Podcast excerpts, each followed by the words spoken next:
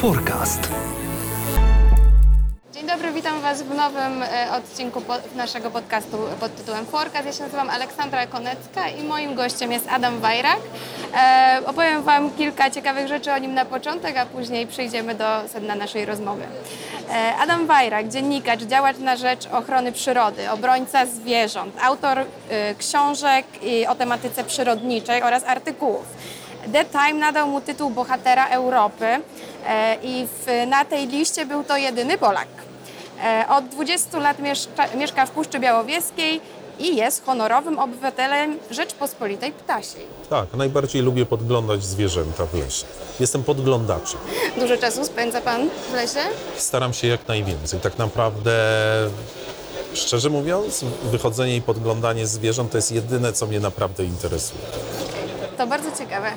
Bardzo, bardzo, tak, bo to jest bardzo różnorodne, bardzo się zmienia, bardzo jest dynamiczne.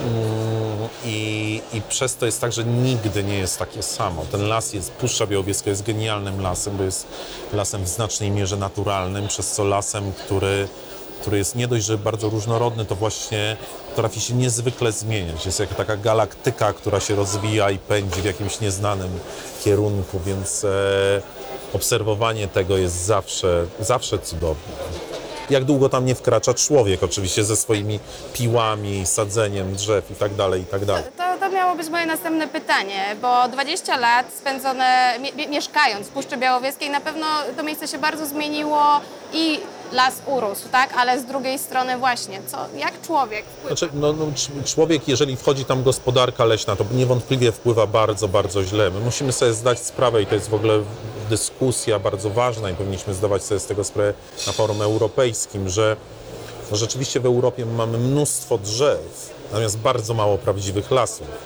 E, I e, wydaje mi się, że na przykład dobrze by było, żebyśmy sobie wreszcie powiedzieli, że najlepsze, co dla lasów możemy zrobić, dla, również dla ochrony klimatu w tym kontekście, to nic nie robić Zostawić lasy w spokoju. zostawić lasy w spokoju, nawet zostawić tereny, które nie są zalesione, żeby się zalesiały same.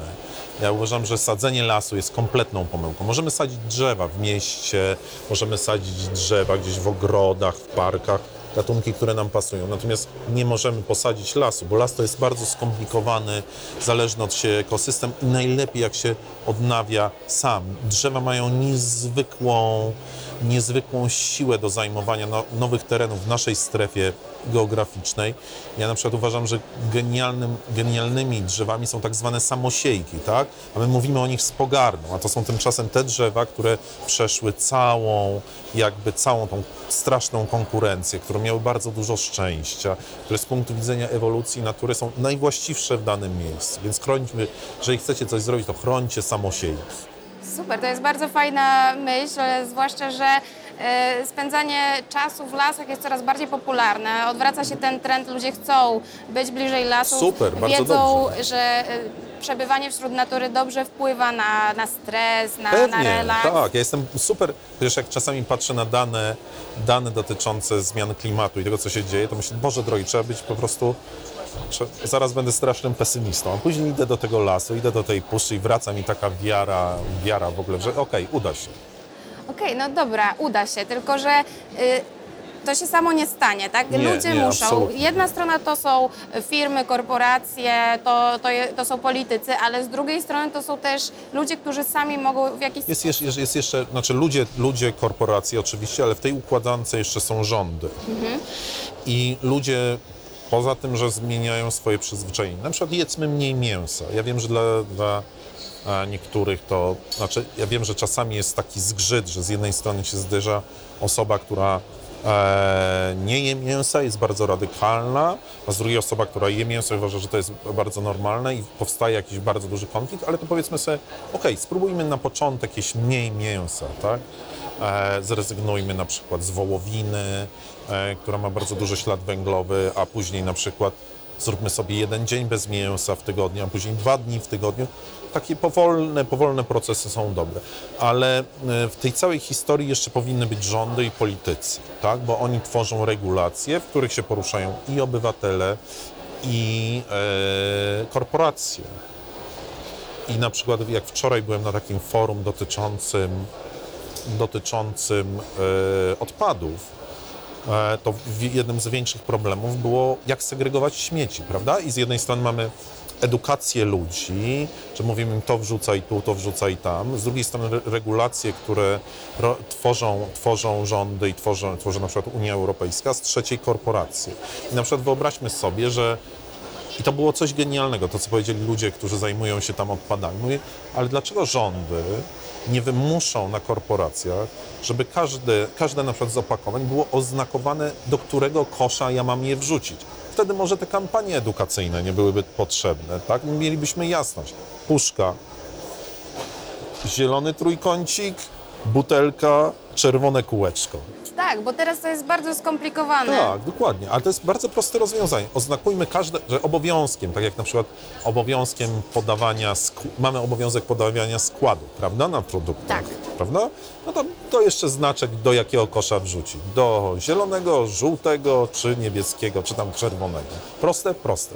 I, ale to powinny zrobić rządy, narzucić to, Tak, narzucić, regulator regulator powinien- powinien to zrobić, firmy powinny to wykonać i obywatel powinien to wykona, wykonywać i możemy to robić. Więc jakby możemy, możemy mniej zużywać energii, możemy się poruszać transportem publicznym. E, ja na przykład staram się, staram się, ja właściwie nie mam prawa jazdy, więc albo się poruszam za pomocą moich mięśni, albo ktoś mnie wozi, albo jadę rowerem, najczęściej jadę rowerem albo na nartorolkach, bo bardzo lubię narty i też mnie oburza, że zimy są coraz krótsze. Nartorolki. Po Nartorolki. mieście też? Po mieście też, tu po Krakowie jeżdżę na nartorolkach, u siebie na wsi jeżdżę na nartorolkach, mam takie terenowe nartorolki, jeżdżę na nartorolkach. Ekstra. A, a, s- e, ale tak sobie myślę, że fajnie by było e, na przykład używać jak najwięcej komunikacji publicznej. I na przykład myślę sobie, kurczę, jakby było super, gdybyśmy mogli w Europie jak najbardziej, uży- jak najwięcej używać kolei. Mniej samolotów, więcej kolei. Ale raptem się okazało, próbowałem, z, z raptem się okazało, że nie ma wyszukiwarki połączeń. Także jak na samolot jest, na połączenie jest bardzo W łatwo. sensie europejskiej. Europejskiej, dokładnie. Takie, że ja na przykład, nie wiem, jadę sobie gdzieś, okej, z Warszawy do Pragi czy do Budapesztu mogę pojechać, do Berlina też mogę pojechać, ale co dalej? Ja na przykład chciałbym pojechać szybką koleją do Madrytu, a, później, a, a później z tego Madrytu pojechać koleją do Sewilli, do, do, do moich teściów i, e, i się z nimi spotkać, tak?